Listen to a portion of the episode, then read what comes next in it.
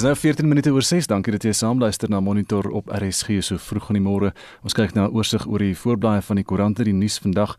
Die Burger se voorblad het 'n baie mooi foto. Gary Player groet sy Vivian en hy word aangehaal hier. Ek kan nie die diepe hartseer beskryf wat ek ervaar omdat ek die een persoon verloor het wat nog altyd die wêreld vir my beteken het nie. Ons liefdesverhaal was die van 'n leeftyd. 64 jaar getroud en die berigte dan in die koerant oor Gary Player se vrou maar die hoofopskrif dan hier op die voorblad van die Burger staat wil nog 12% van jou geld hê. Groenskrif gepubliseer vir voorgestelde nasionale fonds. Nou dis nie 'n nuwe voorstel nie. Suid-Afrikaners sal dalk tot 12% van die eerste 276000 van hulle inkomste Ehm um, met ander woorde tot 'n maksimum van R2760 'n maand vir die topverdieners tot hierdie voorgestelde nasionale fonds vir maatskaplike sekerheid of NSSF moet bydra. En met aftrede sal hulle dan van die nasionale pensioen en voordeelfonds kan eis. Die bydraes kan belasting aftrekbaar wees of gaan dan wees soos wat pensioenbydraes nou is en hierdie fonds moet dan nou uiteindelik die werkloosheidsversekeringsfonds en die vergoedingsfonds en so aan vervang. En uh, dan is daar in hierdie voorstelle ingesluit is dan nou die basiese inkomste toelaat is alles deel van hierdie pakket. En dit is dan gepubliseer in die staatskoerant vir kommentaar. Dit lê daar in wag vir die kommentaar nog 'n berig hier inentings. Dis nou wedloop teen tyd voor vierde vlaag. Die inwoners van die Wes-Kaap uh, waar die swak opkoms by inentingssentrums kommerwekkend is is op die hart gedruk dat daar net 'n klein venstertydperk is voor die verwagte vierde vlaag van die koronaviruspandemie dan nou daar is En nog 'n berig hier wat sê Padda kry steke na ongeluk met randsnyer. Dis 'n ongewone pasiënt gewees. Sy poot is ongeluk af, af, afgesny toe nou in die proses en hulle het dit vasgewerk. Die Padda het narkose gekry en die pootjie is toe nou weer aangewerk daar uh, mens hoop hy oorleef. Die voorblad van beeld in die noorde van die land rybewyse oplossing glo op pad. Die Gautengse LER beloof nou hulp 199475 motoriste wag op hulle kaarte en mens hoor van 'n klomp mense wat sukkel met die hernuwing van hulle bestuurderslisensies om afsprake eers te kan kry. Maar ehm um, daar's nou belofte van die LER Jacob Mamabolo Gautengse vervoer LER wat sê hulle gaan probeer om iets daaraan te doen. Die probleem is nie die produksieproses nie sê hulle, die probleem is daar soveel mense wat aansoek kom doen en daar's nou hierdie agterstand of gewees die mense moet voor die einde van Augustus uh, verval die tydperk wat hulle grasie gekry het as gevolg van die pandemie en nou wil almal ehm um, 'n lisensie hernie kry. Nou kan die stelsel nie daarmee dit meer hanteer nie. Nog 'n berig hier op die voorblad van Beeldgroepe soek nou jagter se bloed. Leeu Nes destyds se Cecil geskiet en hier 'n foto van hierdie leeu. Sy naam is Mopani, 'n leeu mannetjie. Hy staan hier baie mooi en trots uh, by die karkas en en die wyfies daar. Maar dit gaan daaroor omgewingsbewustes uh, is hulle soek die bloed van hierdie Amerikaanse trofeejagter wat nou een van die paar oorblywende teelleeu's van die Hwange Nasionale Park in Zimbabwe met 'n pyl en boog geskiet het. Dis Mopani, hy is met aas uit die nasionale park gelok en op 'n aangrensende plaas toe nou geskiet en 'n dag later is hy eers dood. Die jagter se naam is Philip Smith, hy is van Columbia in Missouri en ehm um, daar was 'n professionele jagter saam met hom Dennis Nyakane van Chaturanga Safaris um, van All Days in Limpopo en die mense wil nou nie reageer nie. Want dis dan nou die leeu mannetjie, die teerleeu wat daar met 'n pyl en boog geskiet is in Zimbabwe. Die digitale voorblad van Volksblad, Diaken in selle oor bedrog. Oudmakelaar kom van Bloemfontein vas net na borgtog aan 'n ander verhoor en dit is dan eh, die uh, is betrokke by die kerk sien ek in Posstrand, maar dit lyk asof hier taamlik met geld geswendel is en hy staan nou daar in die hof uh, vir al hierdie dis meer as 25 miljoen rand ehm um, wat hy na bewering van talle mense in Bloemfontein en elders in die land ontvang het en waarvoor hy opbrengste van tot 18 en 24% per jaar beloof het maar dit is dan nou die die Jaken die Jaco Kloete daar in die hof in Bloemfontein. Die voorblad van Business Day vandag alarmed cabinet devises ways to bring vaccines to the people en dan internasionale nuus bbc.com. Natuurlik die situasie in Afghanistan, die Taliban uh, blokkeer nou glo die toegang tot die lughawe sodat mense nie by die lughawe kan kom om uit die land uit te kom nie. Um Joe Biden sê geen Amerikaner sal agtergelaat word in Kabul nie en die internasionale monetaire fonds sny die geldkraan uh, en Afghanistan het geen meer toegang tot geld van die internasionale fonds nie. En dit is net so vinnige oorsig dan oor vanoggend se nuus. Dienslewering in baie munisipaliteite is 'n groot probleem en ons konsentreer later in die program op korrupsie op munisipale vlak. Ons wil vanoggend by jou weet, wat is van die grootste probleme wat jy ervaar en raak sien en wat is jou voorstelle om dit reg te stel? En spring jy in as lid van die publiek en mens moet sê as belastingbetaler self ook in om dienslewering te verbeter? Indien wel, wat doen jy? Laat ons weet wat dink jy? Stuur 'n SMS na 45889. Onthou dit kos R1.50 of gaan na facebook.com vorentoe skynstreep ZRSG of WhatsApp vir ons stemnota na 076 536 6961 076 536 6961 20 oor 6 nou die polisiebestuur is gister in die parlement berispe oor swak dienslewering. Dit sluit in mislukkings met misdaadintelligensie, die toenemende DNS-agterstand en gebrekkige vuurwapenregistrasie. Zelin Merrington doen verslag. Die polisie het nie eens die helfte van hul teiken bereik om meer as 4000 gesteelde vuurwapens in die laaste kwartaal van verlede jaar op te spoor nie. Terwyl 'n teiken gestel is om 90% van aansoeke vir vuurwapenaansoekhernuwings af te handel, is net 22% gedoen. En terwyl 'n omkeerstrategie geïmplementeer is by forensiese laboratoriums, is daar omtrent niks om te wys nie. Met die vermoë van misdaadintelligensie onder die soeklig na die onlangse onluste in KwaZulu-Natal en Gauteng, was LPS erg omgekrap dat net 80% van die afdeling se begroting spandeer is. Die nasionale polisiekommissaris Ketla Setole sê om misdaadintelligensie om te keer sal tyd neem. The damage that was caused in crime intelligence, it's a long-term damage and it comes a long way. And it starts right from the time when I also started my term, the committee would remember that we're still moving from the era where crime intelligence stayed for eight years without a divisional commissioner. Uh, even now, there's more and more investigations that are also taking place at crime intelligence. There might be other senior officers soon who may even get arrested. So I think the corporate renewal is dealing with a complete overhaul of crime intelligence. Die voorsitter van die komitee, Tina Jumar Patterson, het harde woorde gehad. You have a corporate renewal, a corporate plan at uh, the forensic science laboratories, very little movement. Now you are telling me that you have a corporate renewal strategy at crime intelligence, very little movement. Crime intelligence is equally in a state of chaos Likewise, the Central Firearm Registry and your uh, forensic science laboratories. We are embarrassed by what is happening. You present this committee with corporate plans and talk shows. Die adjunkt polisie minister Kassel Matale het probeer om vure dood te slaan. We will never interact with yourselves uh, uh, in a manner that suggests that from ourselves who are just we, we just want to present allow you to talk. When you finish raising your questions we just come and talk a lot of english and go away. No we we take what you are saying very seriously and the issues that you have identified and raised. Maar Jumat Patterson het geen genade gehad nie. This committee asked questions on the 15th of May 2021 you responded to those questions the 17th of August. It has taken you three months to respond to questions by this committee. And I can now understand why the members of this committee have no faith in your written responses. Deputy Minister, it's a disgrace.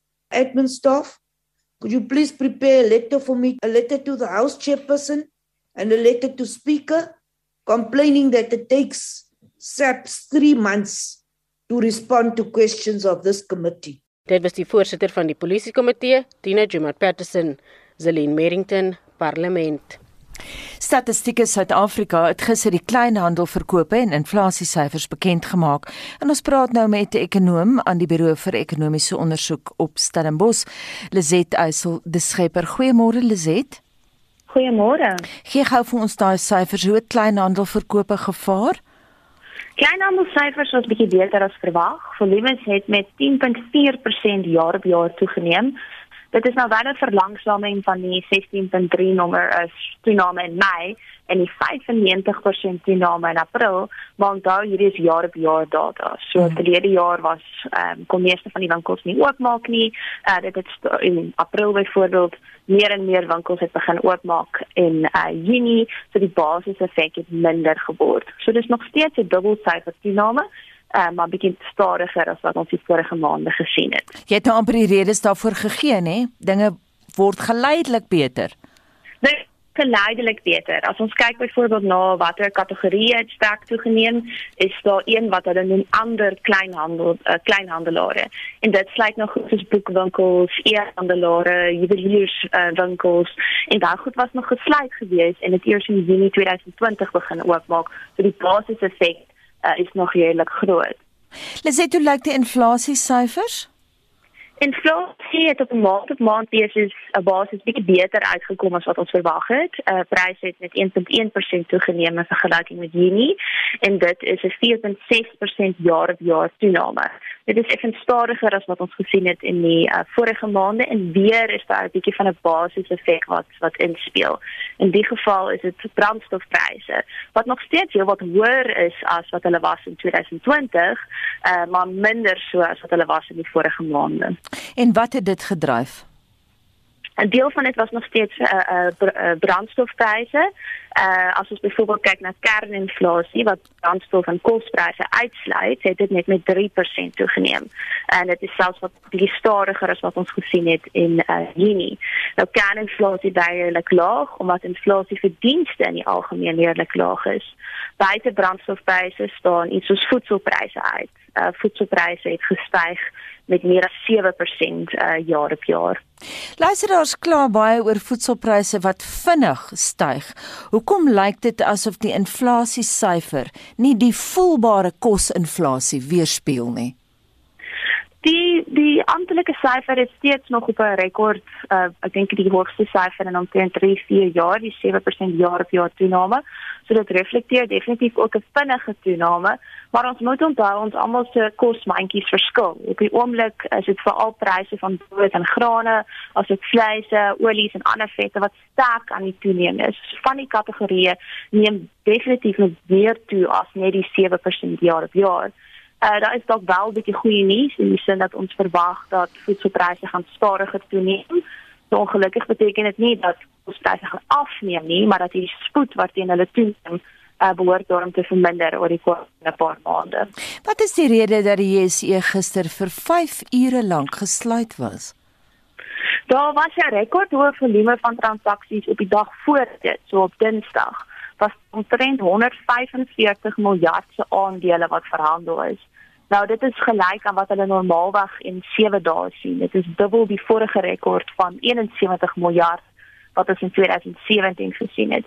En die stelsels kon net nie betyds al die transaksies verwerk nie. En een van die groot redes van hierdie rekordhoë volume transaksies is spesifiek te doen rondom Naspers. En die swaar gewig was afgekeer 'n transaksie waarvan die aandeelhouers was aangebied om hulle Naspers aandele te verruil vir Prosus aandele. So die hoeveelheid Naspers aandele het toegeneem, die hoeveelheid Prosus aandele of as Naspers het afgeneem, Prosus aandele het toegeneem van die indeks en dis herbalanseer word en die hele storie het baie langer gevat as wat hulle vergehoop het en dit het die vertraging veroorsaak. Baie dankie en so sê ekonom by die Buro vir Ekonomiese Ondersoek op Stellenbosch Lizet Eysel de Schepper. Dit hoe lyk dit terugvoer? Anita Cathy Smit sê oor dienslewering ons sit weke op 'n slag sonder water. Die munisipaliteite verskaf nie eens watertankers nie. Ons moet gaan water koop by die winkel om te drink. Paaie word nie onderhou nie en slaggate is oral en Jim O'Connell skryf vir ons onder die DA bewind in Kougahimansdorp en Jeffreys Bay is daar baie goeie dienslewering Amanda Els van Klerksdorp laat weet die lys is lank. Swak paaie, gebarste pype, water loop vir weke lank in strate af. Die dorp is baie vuil en kort kort word swart sakke nie gelaai nie. Gevaarlik om na die middedorp te gaan. Die strepe op die paaie is baie onduidelik. Kry nie munisipale rekeninge betyds nie, maar ons bly betaal ten duurste vir swak diens. Dit moet maar geprivatiseer word. En Silva eh, Silvia Pretoria sê ek werk by 'n munisipaliteit en ons probeer baie hard om die beste dienste alle tye te lewer, al is dit ook baie uitdagend met te min personeel en Kiki Wigmans laat weet ons in Mosselbaai is bevoordeel om so 'n fantastiese munisipaliteit te hê. Ons praat vandag oor dienslewering in munisipaliteite en ons wil by jou weet wat is van die grootste probleme wat jy raak sien en wat is jou voorstelle om dit reg te stel? En spring jy as lid van die publiek dalk self in om dienslewering te verbeter. Indien wel, wat doen jy om 'n bydrae te lewer? Stuur vir ons 'n SMS na 45889 onthou dit kos R1.50 per SMS. Gaan ons Monitor en Spectrum Facebook bladsy en gaan deel jou mening daar of WhatsApp vir ons stemnota na 076 536 6961. Dis nou 25 minute voor 7 by Monitor. Nou die manier waarop die weste uit Afghanistan onttrek word in verskeie kringe as 'n skande bestempel. Tydens 'n spesiale aanlyn seminar hieroor wat deur Daily Maverick gehou is, of 'n webinar dan, het 'n voormalige Britse minister en raadgewer aan die voormalige Amerikaanse minister van buitelandse sake, Condoleezza Rice, hulle monde behoorlik uitgespoel. Hulle waarsku dat daar nou 'n politieke en ideologiese vakuum kan ontstaan en dat die Taliban nie afgeskryf kan word nie. Marlene Forsie het meer besonderhede. Afghanistan is nou reeds dekades lank in konflik gewikkel. Volgens die voormalige Britse minister van internasionale ontwikkeling, Rory Stewart, is dit weens die land se strategiese belangrikheid. It's an existential threat to global security. It justifies spending $100 billion a year, 100,000 troops. A lot of the most talented, impressive diplomats, soldiers, researchers in the world were drawn into Afghanistan. And now we find ourselves today basically saying it doesn't matter at all. I mean, essentially, Biden's view is totally irrelevant. Even be bothered to keep 2,500 soldiers there. We'll just leave it to its own devices. Now, if you were looking at this from Mars, it makes zero sense that the very same politicians who were saying this place was unbelievably important and it was worth risking thousands of lives suddenly then decide it doesn't matter at all.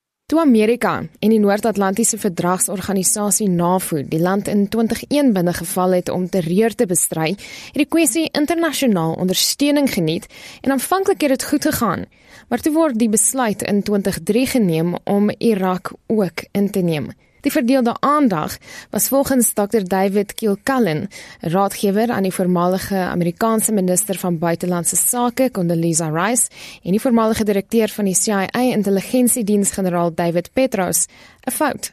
We decided on as it turned out wrong evidence to go and invade Iraq.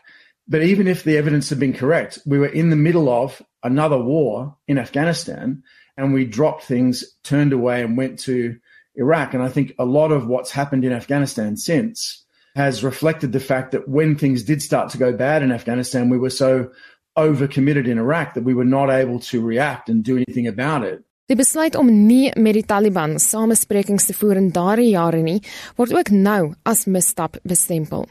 Hiermee saam glo ek Kilcullen die benadering tot die hantering van die konflik was agterste voor.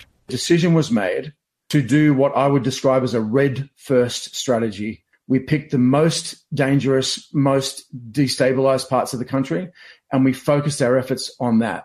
Imagine how different it would have been if we'd done a green first strategy, focused on the stable parts, got them functioning, worked with our allies, and then expanded like an oil spot into the areas that were unstable. I and many other people, I think Rory as well, suggested this. Ashraf Ghani, when he worked for the World Bank, was fully aware of this argument the aid agencies were aware of it, but people wanted to demonstrate progress, I don't know, propaganda effect for their publics rather than working with the Afghans who were telling us what was needed to build things out. Sienswyse wat volgens Stewart makliker gesê is as gedaan. Even in the easy places, working in Afghanistan is really hard. I remember sitting with very grand US figures, you know, Secretary Clinton, Esther Holbrooke, all these kind of people. And they were saying, well, why don't you just move your operation to rural Helmand, run your institute in rural Helmand? And I was saying, you, just don't get just how many problems I face running a high quality project in Bamiyan or in Kabul, right, or in Mazar. Put it in a situation in which literally you're under fire, people are being kidnapped and killed all the time. You're just not going to get anything. Famously, one of the most sort of comical things of all was DFID decided to fund a women's park in Lashkargah. Put a million dollars into creating this thing, which was supposed to be a wonderful place for families to go. And of course, pretty soon it was a deserted desert wasteland. When that money spent somewhere else in the country could have really made an impact. Albei het verder daarop gesinspeel dat die weste die land blindelings ingeval het. By wyse van verskeie voorbeelde sê Kiel Cullen, vredespogings soos die is nie iets wat oornag gebeur nie. Dit vat lank en mede besluit om voortydig te onttrek uit Afghanistan beteken dat die stryd teen terreur nou verleng gaan word. The way that counterinsurgency works is not that you defeat the enemy, everything's fine, you have a big medal parade and you go home. What happens is you suppress the enemy to the point where the locals can handle them with sustainable assistance. Now, Malaya, the emergency ended in 1960, but there was still an active insurgent component out on the ground in northern Malaya when I was a young officer in 1989. But it wasn't a threat for that 30 year period to the Malaysian government. The Malaysian government was handling it perfectly well. But by the way, the five powers that are part of the five power defense arrangement still maintain an airbase and troops and support.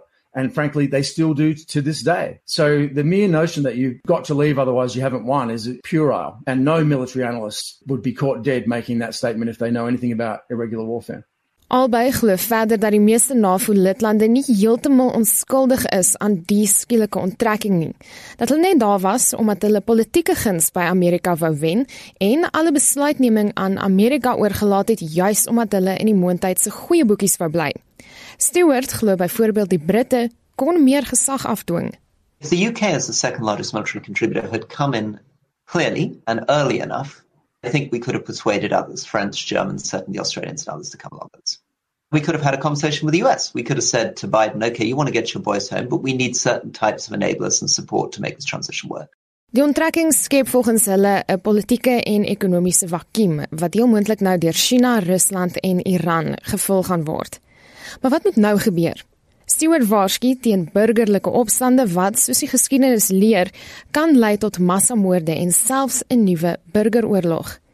Kilcullen glo egter dis reeds aan die gang. Protests in Jalalabad and Coast overnight, Taliban shooting into the crowds and killing people, people protesting up in the Panjshir Valley, not only the Masuds but the first vice president Amrullah Saleh, who has now noted that the Afghan constitution says that when the president flees, the first vice president takes over as caretaker president. And he's now rallying political allies and saying, I am the legitimate president of Afghanistan. Come to me and we're going to fight the suppressive regime. So we're already in a civil war. Intussen maan Stewart dat humanitêre hulp nie onttrek kan word nie en dat sanksies 'n gejaag na wind is. The Taliban will just shrug it off. I mean, they've had a pretty tough life for 20 years. They don't give a monkeys about being sanctioned. They've effectively been sanctioned for 20 years, right? And the second thing is we need to find some way of trying to reach out to the Taliban. Very realistically, very cynically, appreciating that the likelihood is that these people are not people that we can do business with because, after all, they've just devoted 20 years of their life to trying to destroy everything we've created. For what it's worth, at the moment, they feel secure, have chosen to put out a pretty optimistic, moderate message. They're keeping security pretty well in Kabul.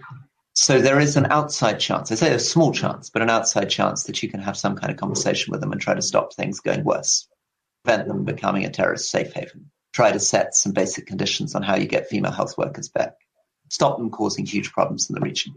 We have to have the confidence to try to do that because if we don't do that, quite quickly this is going to become an extremely paranoid regime, worried that people are going to topple them, and then all kinds of further horror will unravel. Kilcullen meen ook dat die weste uit sy foute moet leer en die Taliban nie se muur moet afskryf nie. Not the Afghanistan that the Taliban were kicked out of in 2001 or the Afghanistan that they dominated in 1996. It's much more developed. It's had trillions of dollars of investment. The society is different. 65% of Afghans are young enough that they don't really remember the Taliban government. It's a much more urbanized and commercial and educated society. The Taliban also are different. Old leaders are still in figurehead positions, but many of the key players are younger. It Doesn't make them better in a, in a moral sense, but they're certainly different.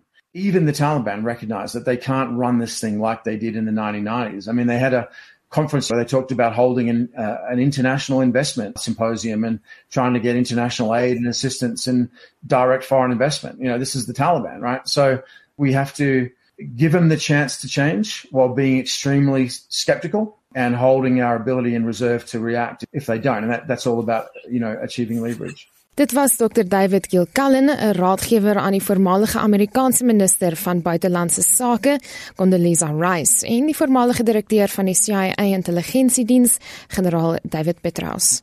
Marlene Forsie is hy konnies.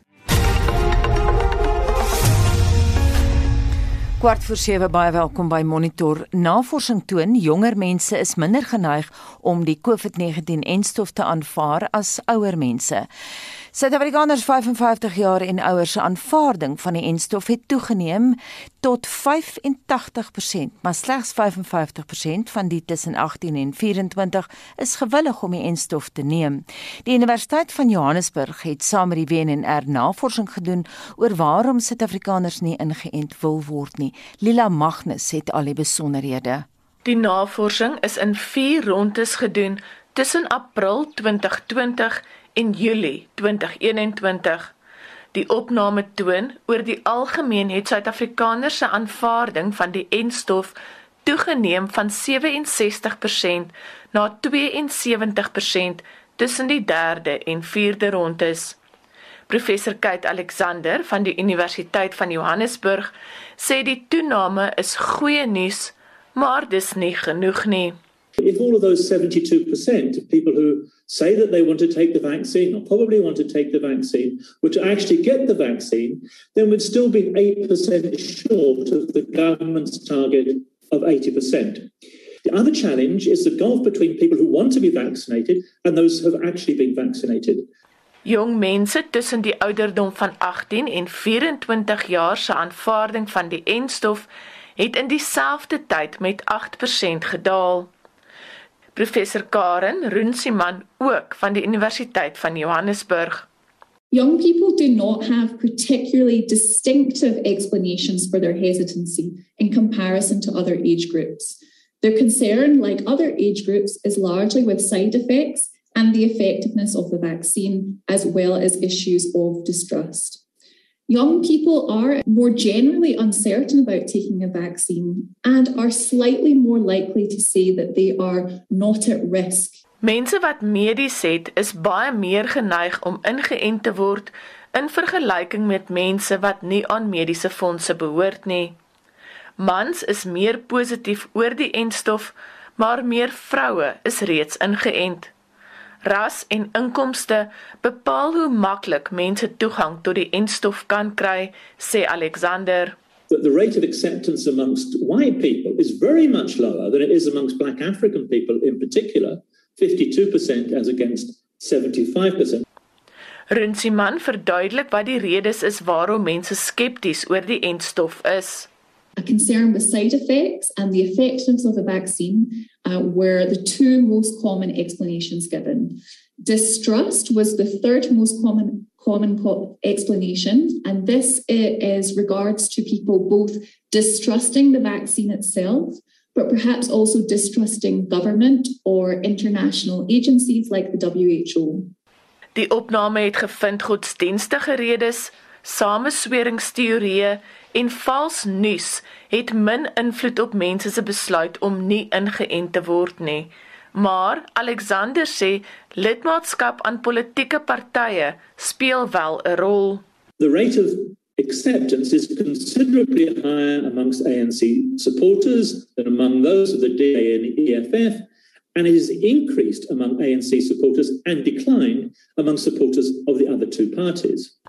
Volwasse wit mense is geïdentifiseer as die groep wat die entstof die minste aanvaar en eerder alternatiewe behandelings sal oorweeg. Ek is Lila Magnus vir SAIK nuus in Pretoria. En is nou so 11 minute voor 7 nou die nasionale komitee van kundiges oor enstof veiligheid het Suid-Afrikaners verseker dat daar geen sterftes weens COVID-19 enstof deur die owerhede toegesmeer word nie. Dit volg nadat die reguleringsowerheid vir gesondheidsprodukte bevestig het dat die dood van 29 mense nie met die enstof verbind kan word nie. Vincent Mofokeng doen verslag.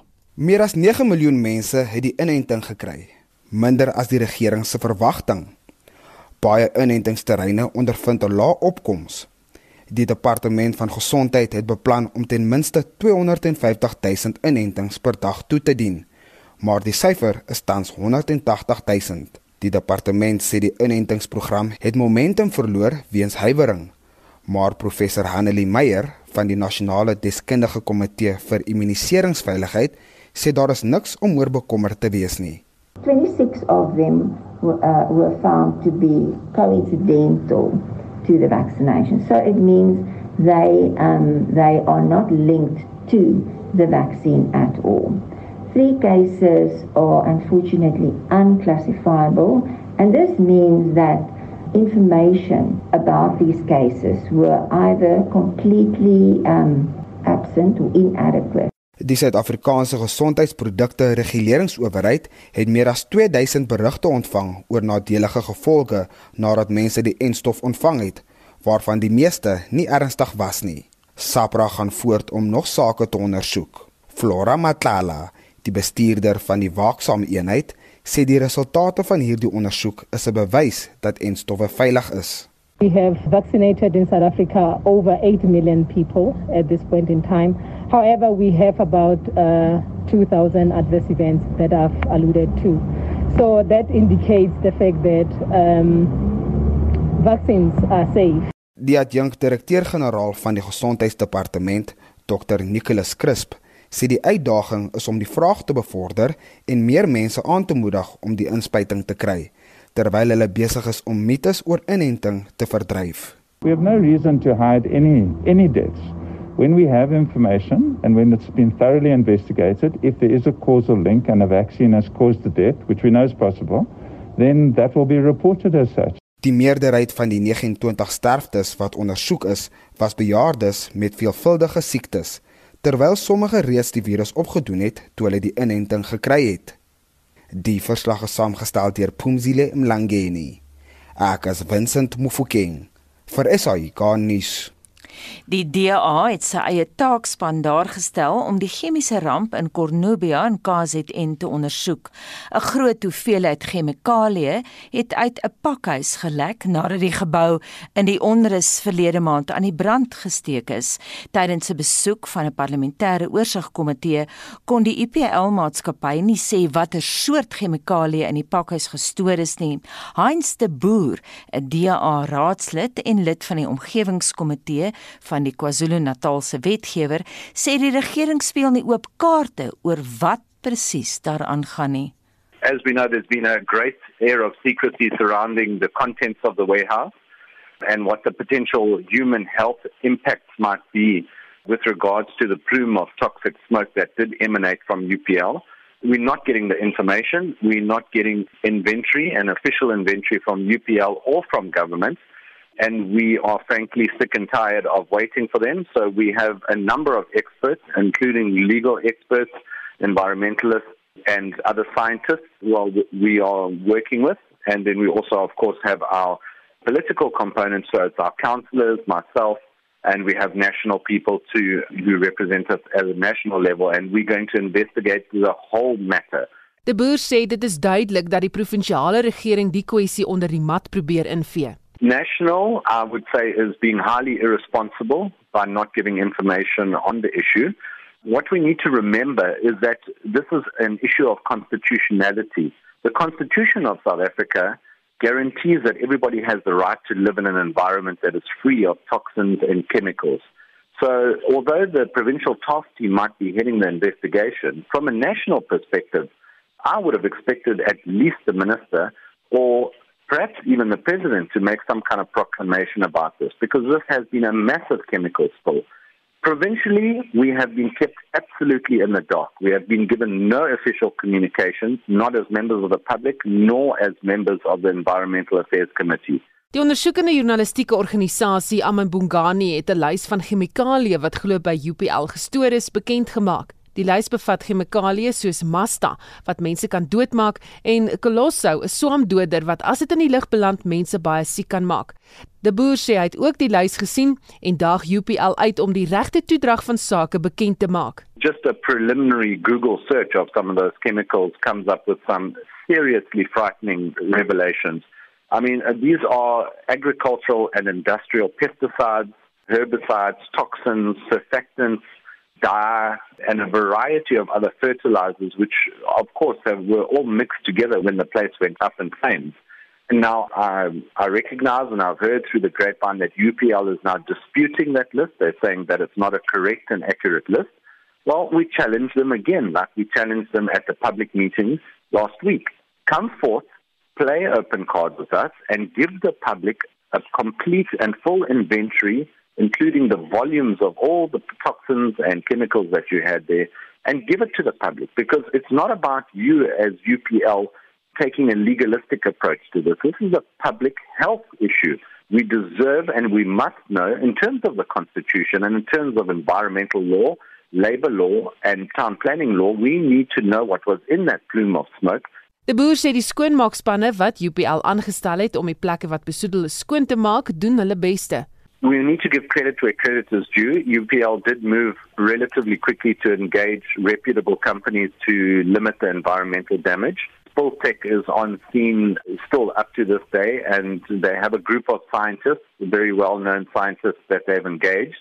From an environmental perspective, I do think they are doing as much as they can to limit the environmental damage. What the long-term effects are on the estuary is hard to to quantify at this point in time, but we can safely say that the lagoon is dead and that we're going to see a significant amount of die-off of trees and shrubbery and estuarine uh, vegetation.